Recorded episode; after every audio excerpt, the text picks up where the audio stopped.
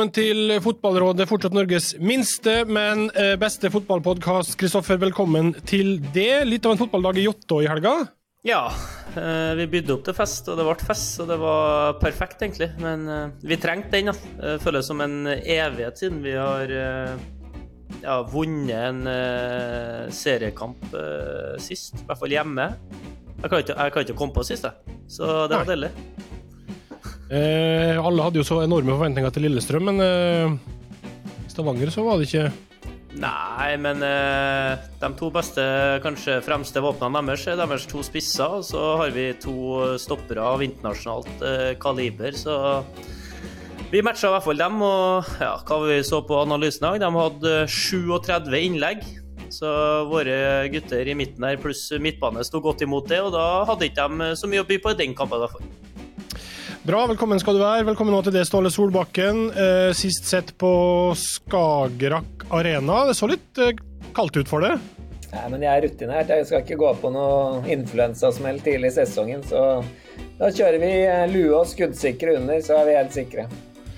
Det var ikke sønnen din som hadde plukka ut antrekket ditt, eller? Vi så en reportasje om han på fredag eh, om at han var motebevisst. Jeg har hørt om den reportasjen, jeg har ikke sett den. Men uh, det er nok riktig at han er et hakket mer motebevisst enn det jeg er. Men uh, det, det, skulle bare mangle. det er bra. Veldig hyggelig at du er med, i hvert fall. Um, vi hopper bare rett i det og oppsummerer uka. Og gjør det som vanlig via Twitter. En som heter for Mathias Fischer, som har jobba i BT før. Han tok for seg det som skjedde på Skagerrak Arena, bl.a. med Bård Finne. Han skrev 14 år etter Kovac versus Oppdal, så gjør Bård Finne seg fortjent til årets Fairplay-pris. Er du enig, Ståle? Var det en fin gest av Bård Finne? Ja, det var en, eh, det var en fin gest. Eh, det var det.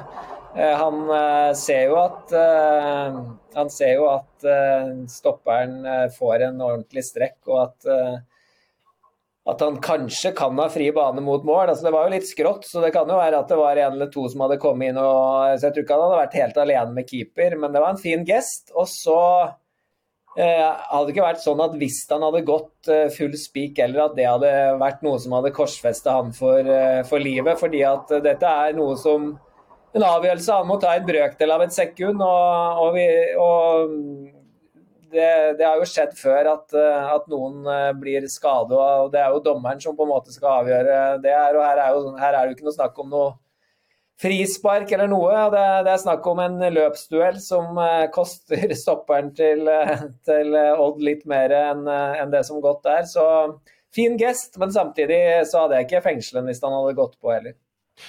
Hvis du hadde vært trener, hadde du ville gjort Ønska at han gjorde det samme da? Hvis du var treneren hans? Ja, innerst inne så hadde du ønsket det. Altså, det hadde du. Eh, men samtidig så, så er det jo et litt eh, Så nok, er nok svaret mitt akkurat det samme der. Jeg hadde heller ikke hengt den på veggen, hvis, for dette er en brøkdel av et sekund han må ta mm. den avgjørelsen. Hva tenker du, Kristoffer? Du er jo kynikeren her. Ja, men uh, jeg tror jo at Altså, det er jo han som sørger for at Solholm får den strekken òg. Altså Med å gå i den løpsdelen, så Han ser jo til høyre der, er jo Finne. Han må jo gi maks. Og så pådrar han seg den strekken. og Det er ikke en sånn soleklar skåringsmulighet, men han, uh, han gjør jo på en måte det rette der med å stoppe opp og spille ut. Uh, det er fint gjort, men uh, det er ingen det som Ståle sier, det er ingen som kunne tatt den på hvis han hadde prøvd å skåre etterpå. Det er jo ikke sikkert han har fått det til, men om han har prøvd, så hadde det vært, vært en del av spillet, det òg. Mm.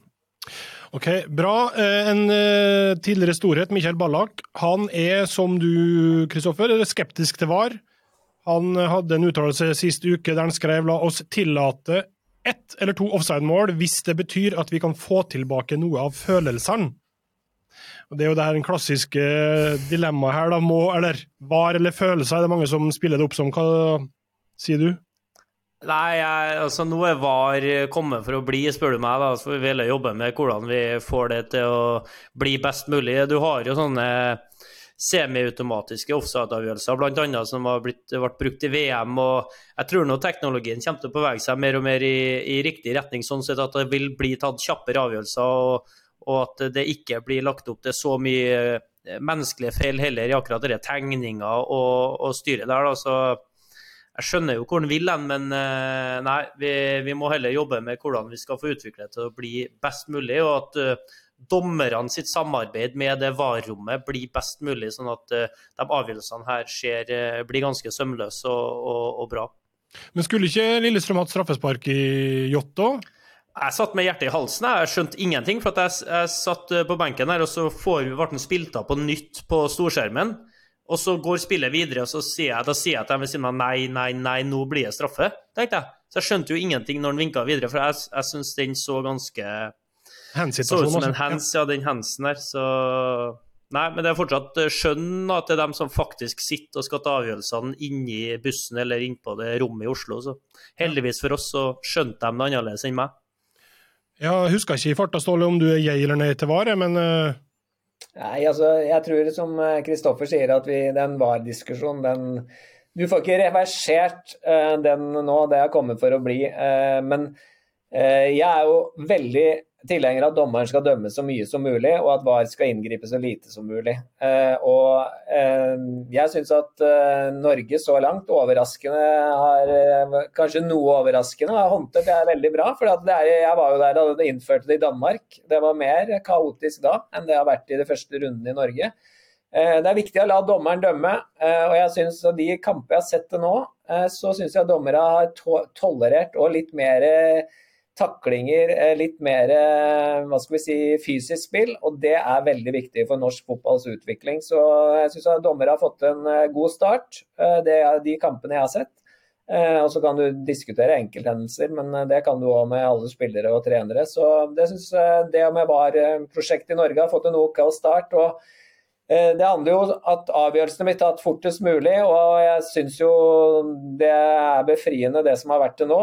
Den 2-0-skåringen til Viking er jo hårfin, eh, den er jo hårfin, eh, men og hele stadion jubler, og, og, alle tror det er punktert. og Heldigvis er, var det jo det for Viking og for publikum sin del. og Da går man heller ikke glipp av, av det følelsesmessige registeret.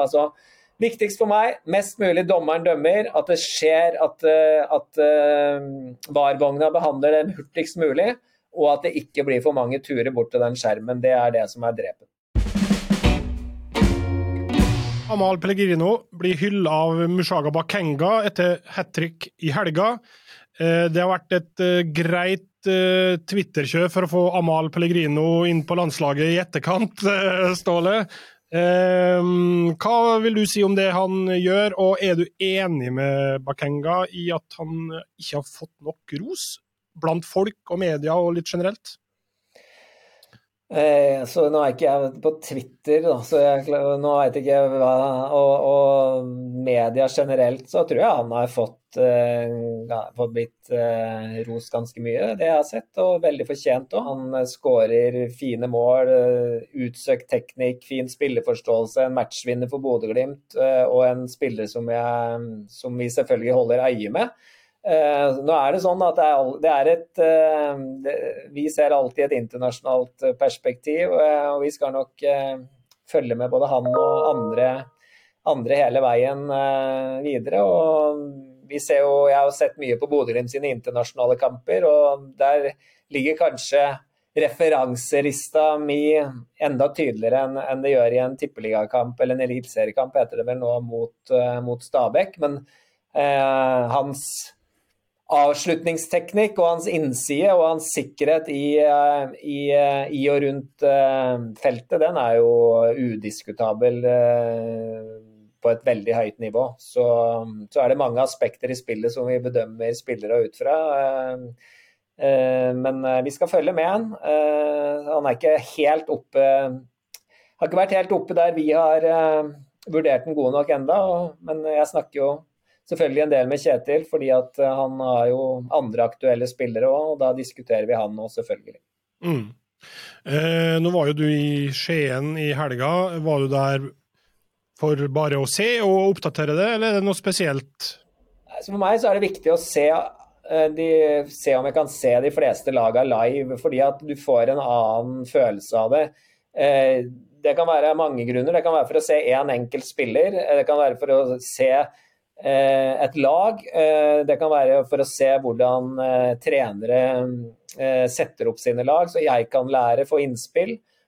Og det kan være å, ikke minst holde pulsen på norsk fotball og få en følelse av hva som skjer. og i en kamp mellom Odd Brann så syns jeg det er interessante taktiske aspekter i den kampen i forhold til at Brann, som har spilt veldig bra, har et veldig godt grunnspill. Odd, som er litt utradisjonelle i måten de eh, skifter formasjon fra, fra, hvordan de forsvarer seg til hvordan de angriper. Eh, og Det, det syns jeg synes det er viktig faglig å følge opp og se live, og kanskje diskutere med de trenerne da den tid kommer.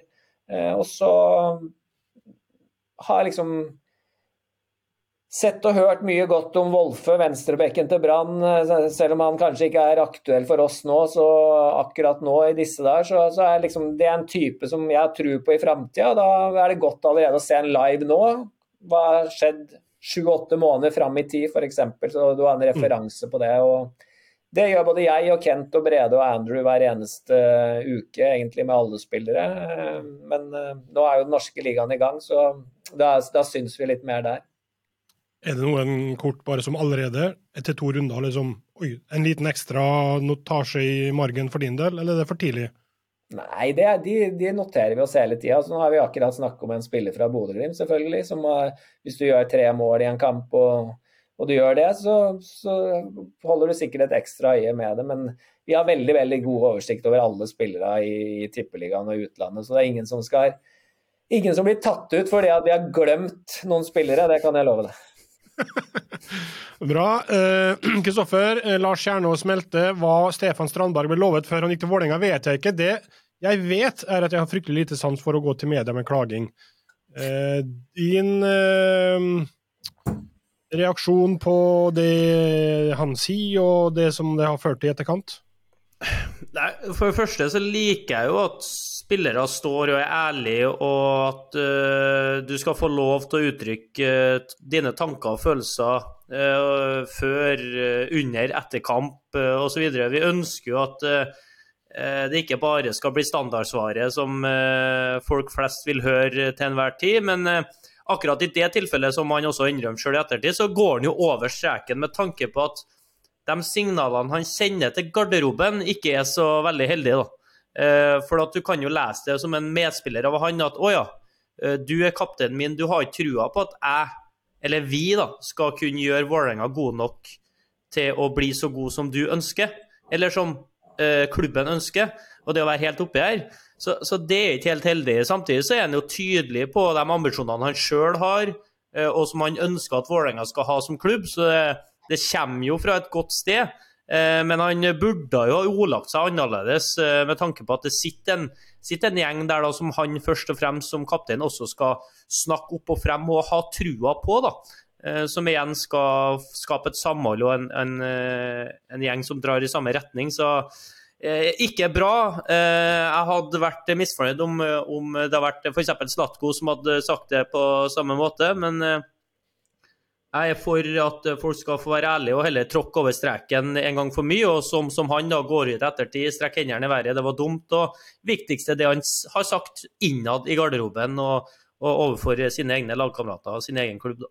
Hva tenker du, Ståle, om, eh, om det her? Ja, det var egentlig godt oppsummert, ja, Kristoffer. Stefan, går for langt. Eh, og det har jo både han og det har han jo sjøl innrømmet. Og så kjenner jeg jo Stefan veldig, veldig godt og vet at dette er eh, kommer av én ting, og det er en, en inneboende fight for at han og Vålerenga skal komme høyest mulig opp på tabellen. Har du noe, det er kanskje fra gang til gang, men hva tenker du om takhøyde for spillere, utblåsninger, for å bruke det ordet, da, i media? Er det jeg, altså, jeg syns jo at både trenere og, og, spillere ikke skal ha noen munnkurv. Altså, du, jeg syns f.eks. at da Morten Jensen sier at uh, Gunnarsson skal ta det skuddet på Lerkendal, at det liksom skal bli en uh, mediasak, det syns jeg egentlig er banalt. Altså, mm. Hvis 15 000 på Lerkendal ser det, og 200 000 som ser på kampen ser det, og så skal ikke treneren få lov å si det, det blir, det blir merkelig. Så Eh, men alt skal jo være i, eh, i, henhold til at du spiller på et lag, og at, du, at, man på en måte skal hjelpe hverandre og beskytte hverandre inntil en viss grad. Selvfølgelig, og være lojal mot, mot garderoben. Men, det, men, jeg tror alle skjønner hvor forskjellen det er der. Og så er det noen som har òg en større impact, og kanskje har lov til å si mer enn noen andre òg, i forhold mm. til hvor du er i hierarkiet. Eh, bra. Jeg bare noterer òg at det er over 125 000 solgte billetter de to første serierundene. Det er det meste på tolv år, meldes det fra Eliteserien. Kristoffer, eh, kjenner du at det liksom interessen er all time high i din eliteseriekarriere? Ja, altså Og det gir meg veldig mye òg. Bare jeg ser den gjennomsnittlige kampen på TV, og så er det noe med de rammene rundt som skaper i hvert fall en sånn forestilling av at det er en en bedre fotballkamp du, du ser på. da. Eh, noe med atmosfæren og sånn også nedpå her som gjør at det blir en mer sånn toppkamp-feeling. Og jeg tror jo det er med å utvikle både lag og spillere i riktig retning til å kunne nærme seg et internasjonalt nivå der du f.eks. som yngre spiller da, skal ta steget ut fra Eliteserien og inn i en større liga, så vil du oftere eh, møte sånne atmosfærer og må kunne lære deg å takle det på en på en, en bra måte om du ikke skal komme hjem igjen, da, men ta ytterligere steg. Dette er en sånn alle bekker små blir en stor å-greie, Ståle, der eh, landslaget gjør det bra med stjerner. Eh, Europacup, TV 2, at det er flere ting som bidrar til det, eller hvordan leste du det? Ja, det tror jeg. Jeg tror at det er jo generelt nå så, så er det jo en sånn blest om både store profiler i utlandet. Det er eh, en ny rettighetshaver som trykker på veldig bra. Eh, og, og det er eh, en liten tilskuerboom igjen, eh, fordi at jeg tror òg at noen Kanskje òg litt i takt med tiden at, at noen syns at noe internasjonal fotball er litt for mye prega av en pengegalopp. og, og at det ligger litt noe der at vi kanskje er eh, litt mer sunne da, på noen områder enda, og at det å støtte sitt eget lag og støtte sin egen by og støtte sine, sine, si, sine nære omgivelser ligger litt i tiden. Og hvis de da får gode opplevelser på stadion med god fotball eh, og med, med, god service eh, på alle mulige parameter, og får kanskje nærhet til sine lokale helter, så vil det bare bidra til at eh, produktet blir bedre både på og utenfor banen. Og Der var det fantastisk å se den reportasjen på TV 2 i helga, syns jeg. Han 15-åringen fra Fredrikstad som eh, drev hele sjappa gjennom sentrum og før den Moss-kampen, og var forsanger i sin supporterklubb der. da. Det er kanskje eh, mer min generasjon, når vi for på Løkka, sånn, så eneste du så, var jo United-drakta, Liverpool-drakta osv. Så, og så, videre. så hvis den generasjonen nå begynner å suge til seg Viking eller Lillestrøm eller Fredrikstad eller Moss, istedenfor at de hele tida skal jage etter det eh, uti der, så, så, tror jeg det blir en positiv spiral for, eh, for norsk fotball. Vi har jo snakka om det, den tribuneopplevelsen vi snakka om litt tidligere. Kristoffer. Er landslagssjefen i posisjon til å mene noe om alkoholservering på stadion? Eh, det er en eh, antagelig. Jeg veit ikke hvor lurt det er, men jeg kan jo kaste meg ut i det. ja vel, vær så god. Nei, altså, altså det, det, det, er jo akkurat der òg vi må klare å bygge en kultur. da. Altså Det å, at folk skal få kose seg med et glass vin eller et øl eller to på stadion, det er jeg absolutt uh, tilhenger av. Men så skal vi òg huske på det at det Kristoffer er innom her, at de nye generasjonene som skal inn og da syns godt om norsk fotball, de skal jo ikke ha noen dårlige opplevelser med alkohol, enten da det er fans, foreldre, foresatte eh, etc. Og det skal jo ikke være et sted du skal oppsøke for at du kan få alkohol heller. Så det gjelder jo å bygge kultur på det området. Eh, fordi at eh, det er jo Jeg har jo vært 100 år i Danmark, og det er jo en veldig eh, har det jo vært eh, alkoholservering siden jeg var spiller, eh, i hvert fall eh, seint på 90-tallet. Så så um, det går an å få til det der, men, men, uh, det er jo ikke derfor man skal på stadion. Så det gjelder å, å holde et våkent øye med det. Det vi har snakka om her, da, har vært Blant annet kan man da ha ei tribune som er familietribune uten alkoholservering, f.eks. For, for å skille, eller altså finne sånne løsninger som kan tilrettelegge så godt som mulig. i så fall. Jeg er litt usikker på det. Da, fordi at her, da, altså, jeg er jo mer sånn at, at eh, hvis de som er voksne klarer nettopp å nyte de der, og, og, og at du ikke bikker over, og at oss supportere eh, er interessert i, og det er de jo i utgangspunktet, se kampen, ikke sant? I en, i, så du vet både hva som har foregått og hvilket resultat det blir til slutt, så er jo det det beste. Altså, og, og derfor så er jeg litt sånn ja, her kan du drikke alkohol, her kan du ikke drikke alkohol. Ikke altså, altså, for meg så handler det om å bygge en kultur eh, som, som, gjør at eh, det her er naturlig. Da. OK, bra. Eh, en siste en eh, fra eh, klokka 02.57 i natt. Kjetil Rekdal på Twitter. Da er jeg offisielt blitt morfar. Mia kom til verden klokka 00.52. Alt står bra til med mor, far og den nyfødte. Stolt! Har du sendt gratulasjonsmelding til Kjetil, Ståle? Nei, men nå, det, nå, fikk jeg den nyheten nå, da, så da, den, den, hadde jeg ikke det, det, kunne jeg ikke ha gjort, da. Men da må jeg kanskje gjøre det. Du må ingenting, men eh, det kan jo hende at han tar det som en, venn, en vennlig gest, i hvert fall. Det er ikke 100% sikkert, men eh, vi, det kan vi, vi, kan, eh, vi kan prøve, da. Mm. Skri, skriv bestefar og ikke morfar, da. ja, det er morfar. Det er morfar, ja. Er det vi som har jazza opp det der mellom dere to? Nei, Vi har et helt greit forhold. Vi hadde et veldig godt forhold da vi spilte på landslaget. Og, vi, og som jeg har sagt hele tida, da jeg var med i HamKam, så var jeg jo med å ansette Kjetil. Og jeg betalte til og med noen månedslønninger for at, eh, for at vi skulle få til det her. Og Kjetil og Geir gjorde en veldig veldig god jobb i HamKam. Eh, og, så, og så er det jo bare sånn da, at noen, eh, noen hva skal vi si, har det bedre med hverandre enn andre. Og jeg og Kjetil har jo aldri vært venner, vi har aldri vært nære venner. Men vi har spilt veldig mange landskamper sammen. Og, og, jeg har på en måte vært hans understudy der. Vi har spilt noen sammen. og Jeg har sittet og sett på han avgjort store kamper. og Han var jo en fantastisk vinner på fotballbanen og har gjort veldig mye godt på trenersida. Eh, og så kan vi nok være både være uenige om en del andre ting. Eh, og vi er nok heller ikke helt like, men, eh, men, eh, jeg har ikke et vondt ord å si om han eh, i noe annet aspekt enn en det som at vi har vært uenige om noen ting i, i, i media.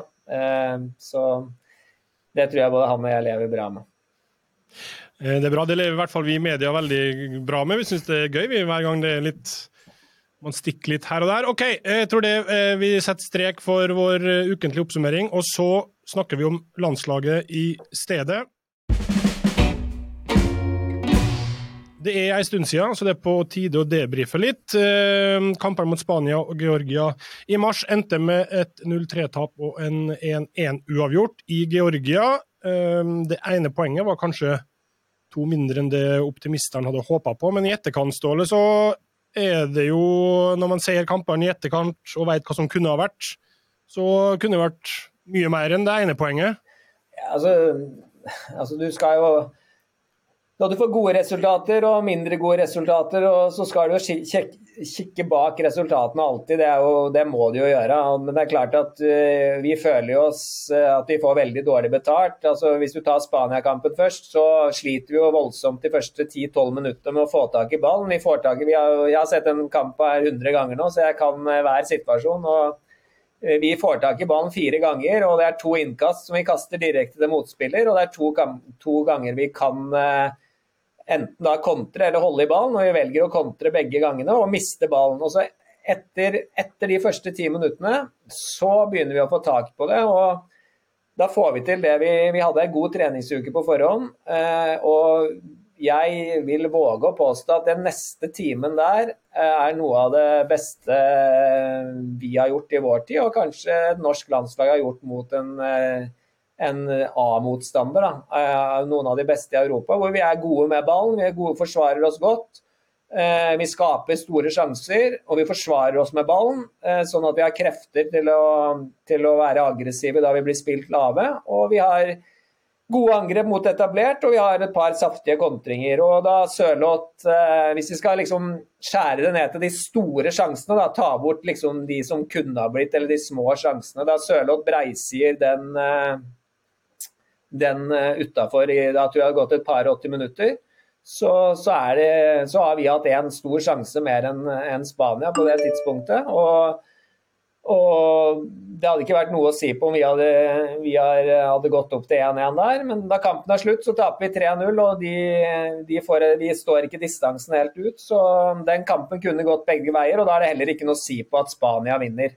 Eh, men eh, jeg tror nok da spillere får den kampen litt på avstand, så tror jeg de kjenner at det her er noe vi kan bygge på.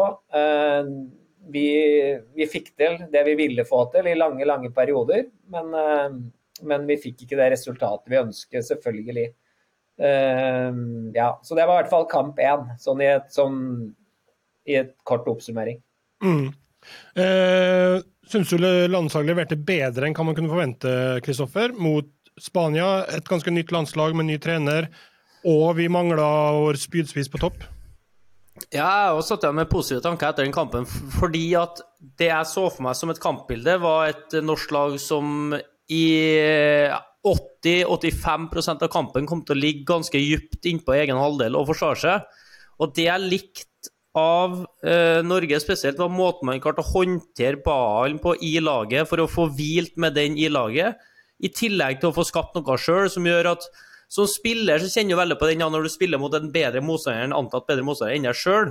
Hvis du klarer å spille på deg litt selvtillit med ballen, så har du så mye mer eh, krefter, da, både fysisk og mentalt, til de periodene du er nødt til å forsvare deg. Så det tror jeg også er veien fremover for et norsk lag når man møter de beste lagene. Hvis man evner å tilegne seg den egenskapen, at man bare ikke blir liggende og ta imot, så tror jeg at et norsk lag vil være i stand til å kunne hamle opp med antatt bedre motstand over tid, da, eh, når man har det. Så det satte jeg meg veldig positivt og altså, Du får jo ikke større målsjanser enn et par M borte mot Spania. Det er sånn som, eh, uten sammenligning for øvrig, når vi reiser til Lerkendal da, eh, og ikke skårer på de målsjansene vi har på stillinga 0-0 der, så kan du analysere opp og ned i mente etterpå, men det er helt kampavgjørende. Helt kampavgjørende. Og da er det lett å liksom se på han som spiller i City i ettertid, som har skåra et par der som vi gjerne skulle ha hatt på topp, da, i tillegg til Sørloth, som var god. Sørloth var jo god erstatter i, i begge kampene, her, da, men what could have been, det har nok gått gjennom hodet til Ståle, og det har gått gjennom hodet mitt da. Eh, før vi tar det, Georgia-kampen, da. Eh, bittert det òg, vil jeg tro? Og Da kommer vi dit hen at det er, det er liksom ikke, det, den kampen skal vi ikke tape poeng i. For den kampen skal være punktert i første omgang. Og, eh, og, og, og, så må vi bare si at Georgia kommer sterkt ut i andre omgang, og vi mister noen baller. Og vi vet at de er gambler eh, mye. og eh, Kvaradona, alt jeg på si. Han ligger og venter litt på venstresida. Plutselig kommer han inn i kampen. Eh, deres eh, nye, ja, Det setter inn en eh, høyre kant og, og går over til 4-4-2 der og får full utdeling med en gang ved at uh, de skårer ganske rett etter det. Uh, men så kommer vi jo tilbake, og siste 17-18 minutter har jo vi de aller aller største sjansene i kampen. altså Med at Martin bommer på åpent mål fra fem meter med sin godfot, og at uh, Alex setter den midt på keeperen.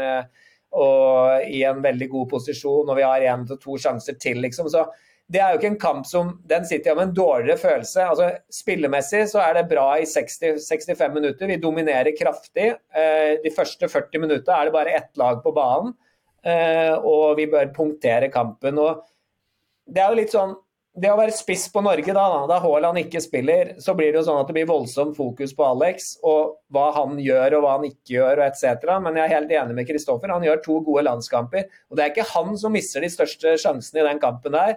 Eh, både Aursnes og Moe og Martin har alle større sjanser I hvert fall ja, alle har større sjanser enn det Alex har. Alex har én, eh, bortsett fra målet, hvor han svinger inn i femmeteren, og den skal han sannsynligvis også skåre på. Men både Fredrik sin, Martin sin og Moe sin er større. Eh, og da sitter du med en dårlig følelse etterpå, fordi at i en, hvis du hadde maks uflaks, da, så kunne vi ha tapt kampen fordi at vi, fordi at vi ikke setter de åpenlyse sjansene, og så får, blir vi litt urolige en periode før vi kommer tilbake. Så det var jo på en måte Spania kunne gått begge veier, men Georgia-kampen det skal ikke være noe tvil. fordi at uh, vi er så mye bedre enn dem i så lange perioder. Og det som er bra igjen, da, er spillet vårt mot etablert forsvar. At de ligger jo og venter på oss. Først i 5-3-2, De må skifte formasjon til 5-4-1, og vi spiller fortsatt gjennom dem og, og, spiller veldig bra og skaper sjanser og har en god balanse mellom det å holde i ballen og det å spille gjennom dem. Men så mister vi litt eh, fotfeste i starten av andre omgang, og da blir det litt fram og tilbake-fotball. Og da er de bedre enn oss, fordi at, blant bl.a. fordi at de får iscenesatt de kantspillerne sine. Og så klarer vi å vinne tilbake eh, hva skal vi si, eh, rytmen og, og, og, og, tar over dominansen og skaper sjanser igjen. Men veldig skuffende og, at vi ikke vinner den. og Det er ikke, det er ikke bare uflaks. Altså. Det er òg at vi, vi, er nødt til å være mer kyniske og være mer eh, Hva skal vi si eh, ja, de, de, Vi kan ikke misse alle de sjansene. Det, det, det er ikke bare uh, uflaks, det er òg udyktighet. Det har jo vært en lang ventetid på seriestart, men for dere som er på landslaget, så har det vært enda Altså, man bygger jo opp til eh, en veldig komprimert uh, samling, um, og så ender det med det ene poenget. Den skuffelsen eller utladningen man da kjenner på, ikke bare umiddelbart, men kanskje i lang tid etterpå, hvordan er den? Nei, Den er voldsom, og den er uvant for meg å håndtere. og Spillere håndterer jo det mye bedre, for de skal jo inn i sin hverdag hvor det er press på fra dag én. Eh, og mens vi som er ledere og trenere og nærmest i prestasjonsgruppa, vi får det også en midt i trynet. Men samtidig så så er det jo sånn at hvis vi vinner de to kampene i juni nå, så er det jo Da er vi jo på en måte Skott, Hvis vi klarer det, så har vi slått Skottland. Skottland har slått eh, B-laget til Spania. Og, og, og, Spania har slått oss. Og da, da, er vi på en måte litt på nytt igjen eh, foran høsten. Eh, men eh, med tre poeng mot Gorgia, og ikke minst hvis vi hadde klart et poeng i Spania, så hadde vi jo på en måte gått inn med en mentalt lettere sinnstilstand alle, da. Det må vi jo innrømme mot juni. Nå blir det jo maks press på. Og, og vi har kanskje brukt opp eh, eh sjansekvotene våre. Altså, nå, nå, må vi, nå, må vi, sette av dem, ikke sant. Eh, men det er jo sånn det er. Og, og er, i landslagsfotball er det jo mye færre kamper. og hvem vet hvem som er klare da? Det er ikke sikkert Erling er klar da heller. Og det, kanskje Martin har blitt, eh, fått covid òg. Altså, du, må være forberedt på alt det der. Eh, og det syns jeg vi, vi, var. Altså, vi får jo en boomerang i pæra eh, etter to timers samling, eh, hvor, hvor, Erling banker på døra mi klokka tolv om natta, og han er ikke der morgenen etter da gutta våkner. Men det syns jeg de responderte bra fra. Og, og, som prestasjonsmessig så gjør vi to av de beste bortekampene Norge kanskje har gjort på lang tid spillemessig, men det er, det er ikke det som står i historiebøkene, og det må vi forandre i juni. Hvor langt var du sjøl nede? Hvor lang tid brukte du på å bearbeide det her? Og jeg var altfor langt nede. Altfor lang tid. ja. Eh, er det det som er forskjellen på landslag, klubbfotball, som du er vant til? At da har man sånn, så er det en ny mulighet, og man ja. må opp igjen? Ja. ja. Ja, for Det må jo være helt jævlig, for eh, jeg kjenner bare til følelsen av å tape sjøl. Det du har mest lyst til etter et tap, det er å få en ny kamp så fort som mulig. Mm. Altså det når vi tapte på Lerkendal, så var jeg sånn Yes, det er kamp igjen allerede på lørdag. Du har den kjappest mulighet til å snu det. Mm. Mens når du må vente og vente og vente, så ja, jeg, jeg, For å si det sånn, jeg føler med dem som jobber med det. Det må være mentalt utlandet. Og så er det jo det å Én ting er å skape en tru til seg sjøl, med tanke på når man sitter der og ser bak resultatene og faktisk som, de som jobber med fotball, er nødt til å se analytisk på det så godt det lar seg gjøre. Og det er ingen tvil om at det var to kjempeprestasjoner. De kan få si hva de vil, de eh, Twitter-supporterne som maser om bla, bla, bla. Det handler om resultater. Ja, vi skjønner det. Men på sikt, da, hvis, man, hvis et norsk landslag reiser på bortebane og presterer sånn, så blir det mesterskap. Og så handler det om at man må klare å også plante den trua inn i ei spillergruppe til når man møter opp i juni, og komme inn i kampene faktisk med selvtillit. Men det er klart at det er jo kanskje det som er fordelen. Fordi at det vet jo alle som har spilt fotball, at du kan, ikke, du kan liksom ikke lure spillere til å si at altså, Spillere sitter med en følelse Er vi gode, eller er vi ikke gode? Har vi en god følelse, eller har vi ikke altså, så, jeg, jeg har sluttet å tro på det at du kan jo som trener spille inn nye ting. Du kan som spiller sette ting i perspektiv, og du kan som, spiller, nei, som trener så inn noen ting, og du kan vrake noen ting, og du kan bygge tro og håp. Men det du ikke kan, det er du kan ikke lure spillerne til å tro på noe etter en kamp. Hva er følelsen her? Og det er kanskje fordelen foran junisamlinga at jeg skal ikke bruke den perioden nå til å fortelle spillere at dere var mye bedre enn det resultatet tilsier. Det, det veit jeg at de har en veldig god følelse. De har en veldig god trygghet. Eh, de har skjønt konseptet, eh, de liker konseptet. Eh, og de har et veldig stor tro på at de kan vinne mot hvem som helst, når som helst. Og det er fint for en trener å ha. Det gjør at vi og Andrew og Brede og Kent og kan konsentrere oss om å presentere Skottland og Kypros og på en måte legge en, en, en linje hvor vi kan bygge videre på mye av det. Da. Fordi at Eh, Martin bommer ikke på den sjansen en gang til. Det gjør ikke Fredrik heller, tror jeg. Eh, og sannsynligvis så, så, får vi tilført en spiller til uten å gå på transfermarkedet til juni. Eh, nå skal ikke dette være en heil, eh, det skal ikke være en psykologtime, men jeg vil likevel at du sier litt om hvordan du bearbeider den skuffelsen, og hvor lang tid det tok før du følte at du var litt opp og nikke igjen. Nei, altså vi har jo da en flytur hjem eh, dagen etter. Først så sover du ingenting etterpå, ikke sant. Eh, og så har du en lang flytur med mellomlanding i Frankfurt, og så kommer du på Gardermoen, og så håper du at ingen ser deg på toget fra Gardermoen til Hamar. Og så har jo kona mi reist til huset i Frankrike, hvor vi har et hus, og hvor hus insisterer på at jeg skal komme dit. Og det sier jeg at det har du null utbytte av. Eh, sånn at jeg får da megle meg til å, å være et par-tre dager hjemme alene. Og det har jeg virkelig behov for. Jeg har virkelig behov for å bli ferdig med kampene. Altså, jeg må se dem med en gang. Jeg må få gjennom alle situasjoner. Jeg må være helt klarert. Jeg kan ikke gå og lure på noe hvis jeg skal få det på avstand. Så jeg, gjennom, jeg ser kampet, så vel begge kamper tre ganger. Veit jeg kan alt om de kampene, eh, sånn at jeg kan være ferdig med dem. Eh, og så Eh, går jeg bare i den lokale butikken da det ikke er folk der, helt alvorlig. Eh, og så prøver jeg å sove og prøver å få tanker på noe annet. Og så jeg, må jeg bare si at jeg bruker en utenfor fotball eh, til å debrife. Altså for å, for å tømme meg, eller for å diskutere. For å, for å være, komme i mental ikke om, ikke om mental balanse, men få litt mental overskudd igjen.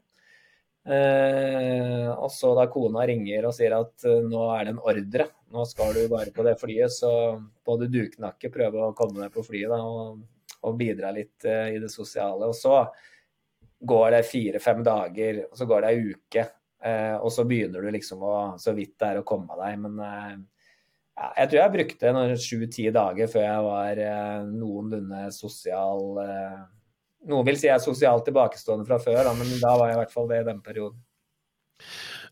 Marius Skjelbæk, vår felles eh, bekjent eller eh, venn, eller hva man nå får kritikk for å være, han skrev på Twitter hvordan orker mennesker å være trenere? En sadotilnærming til lykke og lettelse. 99% vondt, 1% glede. Nei, det er jo ikke riktig, men, men, men, men altså, du, du, har jo stunder hvor du syns men, men, dette er for det første så er det veldig selvvalgt. For det andre, derfor jeg jobber med dette, er at du får gleder og skuffelser sammen med andre. Og har du ikke vært gjennom de ekstreme skuffelsene, har du ikke kjent på det vondeste av det vonde av det mest ufarlige livet, for det er jo, det er jo altså, Vi må ikke dra det for langt. Det er det mest altså det det viktigste av det ufarlige, at du har det så vondt der, det dør du ikke av. Men for å kjenne da, på cupfinalegullet som Kristoffer var med å sikre for Viking, for å kjenne på det, for å kjenne på den ultimate gleden på det, så skal du ha kjent på det i andre enden. Ellers så finner du ikke den gleden. Og det er jo det med at, at du gjør noe sammen med andre, eh, og, og at man på en måte gjør noe sammen, og så er det noen nyttepunkter her eh, som, eh, som er ekstreme, men, men, det er ikke synd på oss, og det ikke, og det er veldig frivillig. Og jeg ville ikke vært det foruten. Er det en avhengighetsfølelse som gjør at bl.a. sånn som Åge Hareide hopper på Island igjen? At man, Tenker du òg at du er avhengig av den bøssen, den kampdagen, den fellesskapsfølelsen det gir å vinne og være en del av noe? Jeg tror ikke du kan erstatte det med så mye, det tror jeg ikke. Men samtidig så, så har jeg Altså De siste seks åra var jeg både sportsdirektør og trener i København samtidig. og Da kjente jeg nok at, at du kanskje var litt overarbeid i perioder. da, Sånn at overskuddet noen ganger kunne være litt borte. Eh, og Da blir ikke mestringsfølelsene eller skuffelsene kanskje så store heller. Da blir det mer sånn lettelse over det. ikke sant? Så det, så det som er viktig, er jo at det skal være moro. Det skal være en, liksom, noe som trigger, og som du, som du, som du for overskudda skal ikke være noe som du kommer til eksamen, og så består du, og så er det kun lettelse. ikke sant? Altså, det vil det være noen ganger, men det skal være en, eh, en eufori. Og det skal være på den ene siden, og så skal det være som, som eh, det høyeste målet. Og så skal det være som kølsvart i den andre. Altså, Kristoffer kan jo Hvis jeg setter meg inn i hans situasjon nå i forhold til et par år siden, så vil jo han ha en tyngre hverdag. Men han er jo såpass oppegående sannsynligvis at han har, setter ting, pris på andre ting i livet. Så det gjelder jo å holde ting atskilt litt her òg. Mm. Og det er det jo jeg da i de sju-ti dagene etterpå sliter med. Men som hvis jeg innerst inne, så håndterer jeg jo det. Mm. Eh, men, men, men ja, jeg tror alle skjønner hva jeg mener. Hvor tungt har du tap, Kristoffer? Hvor lenge tillater du deg sjøl å være i kjelleren? Uff, da jeg var yngre, så var det et helvete. Altså, da Det var ikke sunt, eh, for da drev Jeg dro med meg det tapet langt ut i uka og kjente at uh, hvis du tapte en søndag, så var det sånn Jeg måtte i hvert fall komme til treninga på torsdag og gjerne ha en god opplevelse på trening torsdag, før det slapp taket jeg kunne se inn mot neste. Uh, ettersom man har blitt eldre, så har man på en måte Eh, erfart mer da, at eh, tap kommer. Og så er det, det For meg nå er mer måten tap kommer på, og hvordan opplevelse man har eh, rundt det tapet, rundt den kampen, og hvordan man da klarer å, å se litt analytisk og, på det videre. Altså, når vi taper på Lerkendal f.eks., så ja, det er blytungt å tape på den, men jeg har sett oss tape på verre måter, fremstått uh, mye dårligere. Sånn at det, jeg går inn med mer håp og tro til neste. Mens når vi holdt på i fjor høst og, og tapte og ikke så ut som et fotballag og måtte bare rota i det, så, så var det som en sånn ond spiral som du ikke, ikke kom ut av. Og da er ikke jeg så trivelig å, å leve sammen med, men uh, det hjelper å bli eldre, det gjør det jo. Men det, det, det er som Ståle sier, jeg, jeg, ser jo alltid på folk, på mennesker som jeg har spilt med og spilt mot, og sånn, så føler jeg sånn Biter ikke ta på deg, så er jeg helt sikker på at du har ikke det like godt som meg når vi først vinner. Så det sier jeg til hun jeg bor sammen med, som sier 'Hvorfor gidder du å bry deg så jævlig om det her?' Så sier jeg det er så deilig når det lykkes. For at nå har jeg så vondt, men da blir det ekstra deilig når det lykkes. Og det, om, det handler om om jeg spiller golf eller padel eller hva det skal være. Så jeg blir så forbanna når jeg taper, men det er så deilig å vinne. Og det er den følelsen du jakter så ofte som mulig. Det driver meg, driver meg langt. Bra. Bare en, hel, en, siste ting før vi går videre. Eh, når Erling Braut Haaland kommer inn til deg på natta og sier at sorry, det her går ikke, samler du da et krigsråd? Sover du den natta? Hvordan håndterte dere det?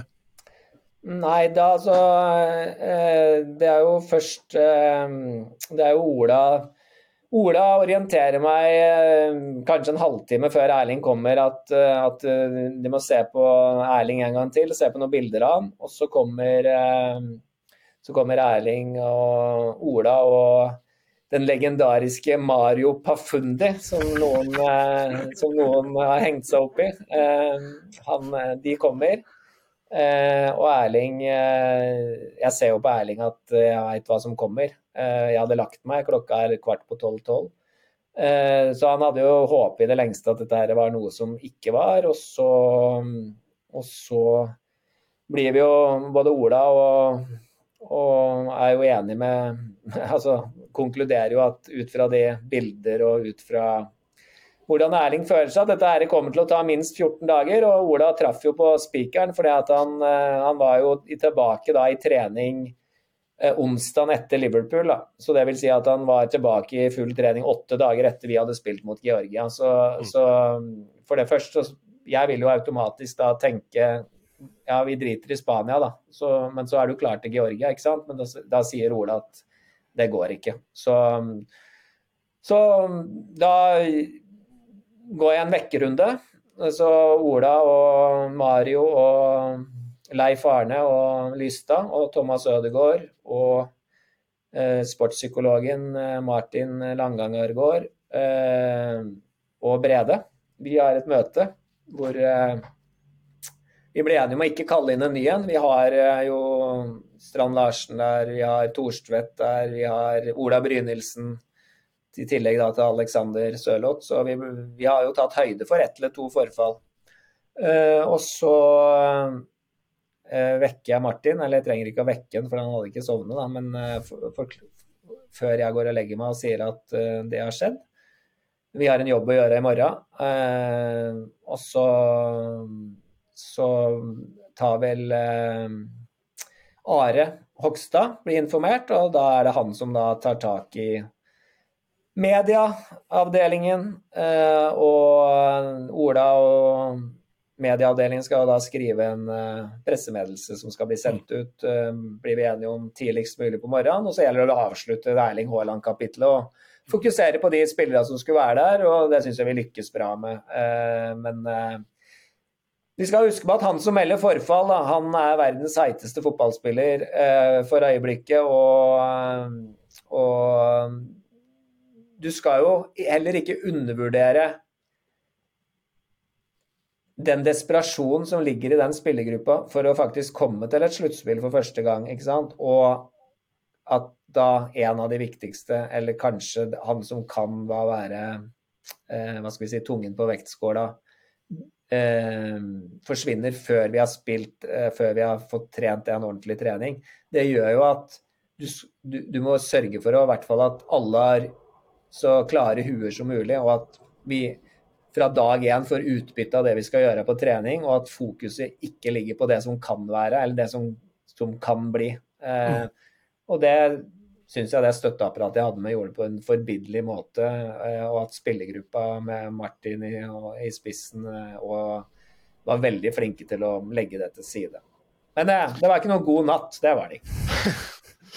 Det skjønner jeg godt. Eh, bra, vi går videre. Kristoffer, du har ei fast eh, spalte eh, som er kreativt nok kalt eh, Løkens løksuppe.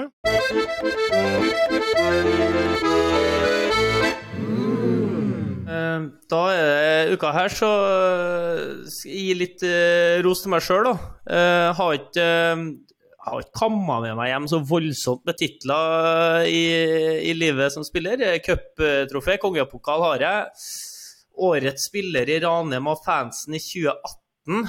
Eh, den tar jeg med meg. Isbjørn den er på hylla. Men i går så ble jo jeg sammen med mine kollegaer nominert, eh, Vegard, til, ja. til Gullruten.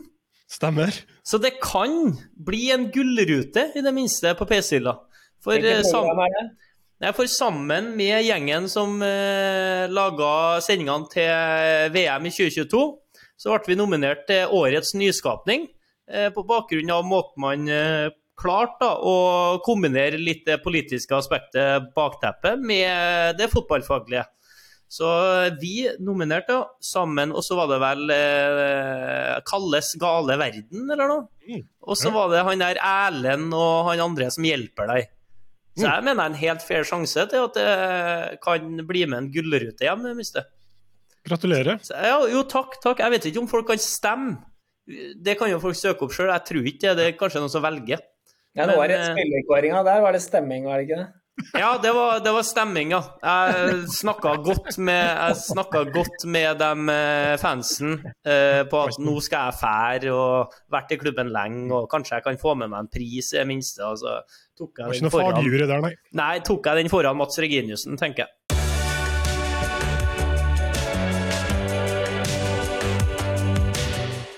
Er ja. Svaret er ja. Svaret er ja. Svaret er ja på det.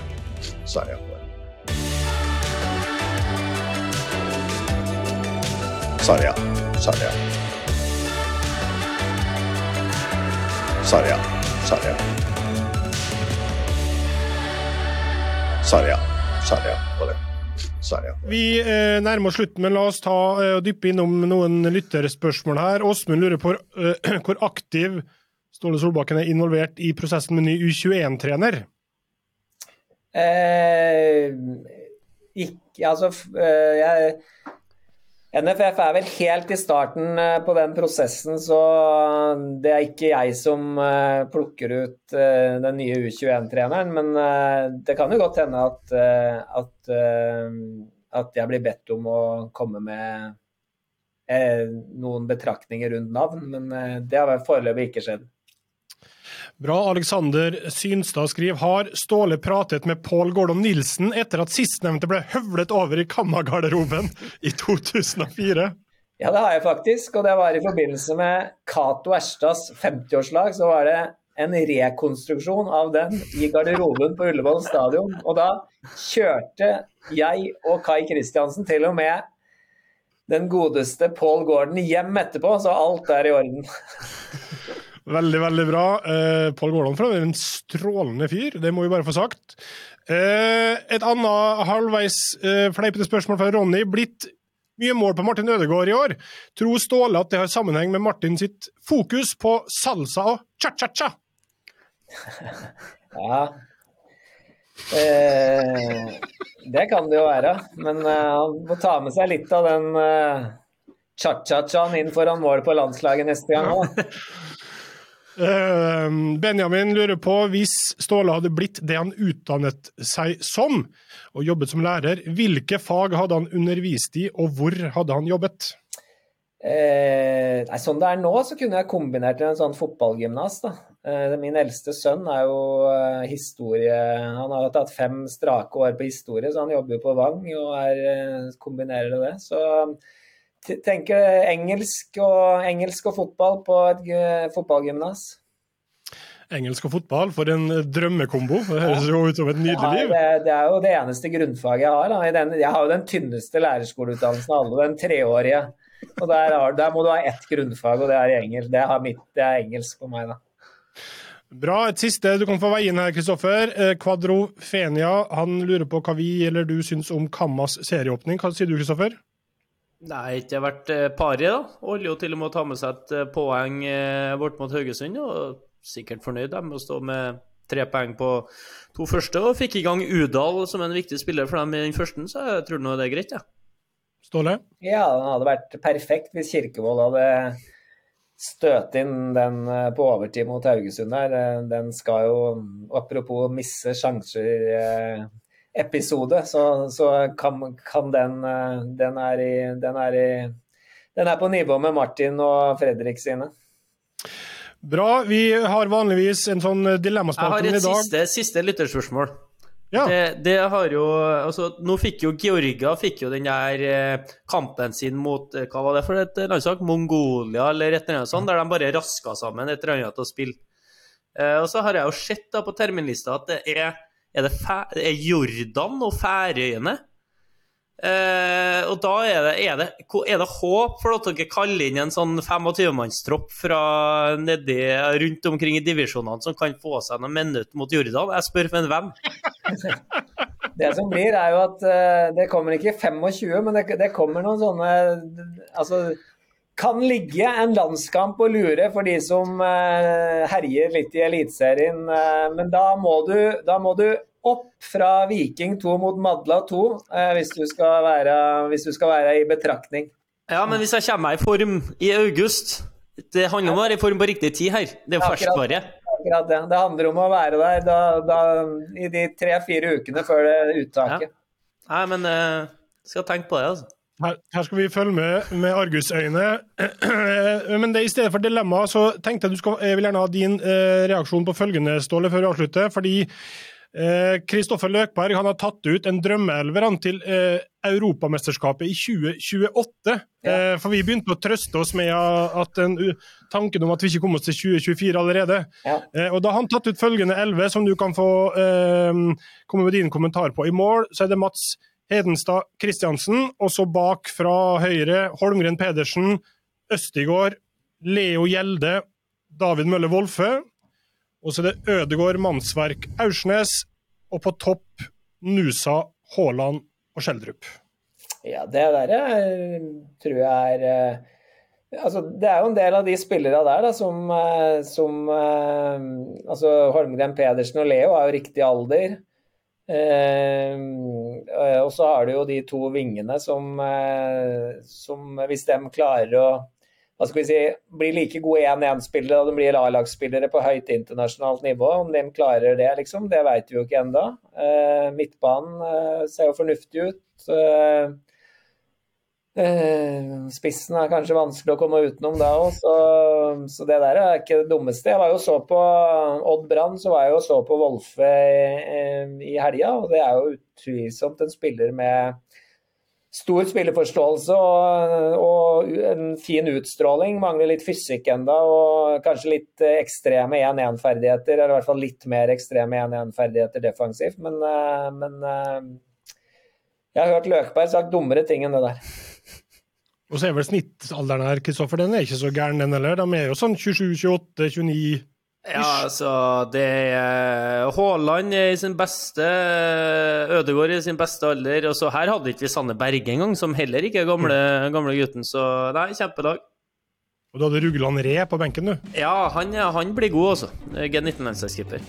Litt ung ennå, men kan gå. Ja. Nei, men bra. Eh, tusen takk for at du var med, Ståle. Eh, takk for at du var med, Kristoffer. Og takk for at dere som har lytta på, gjorde det. Og så høres vi igjen om ei uke.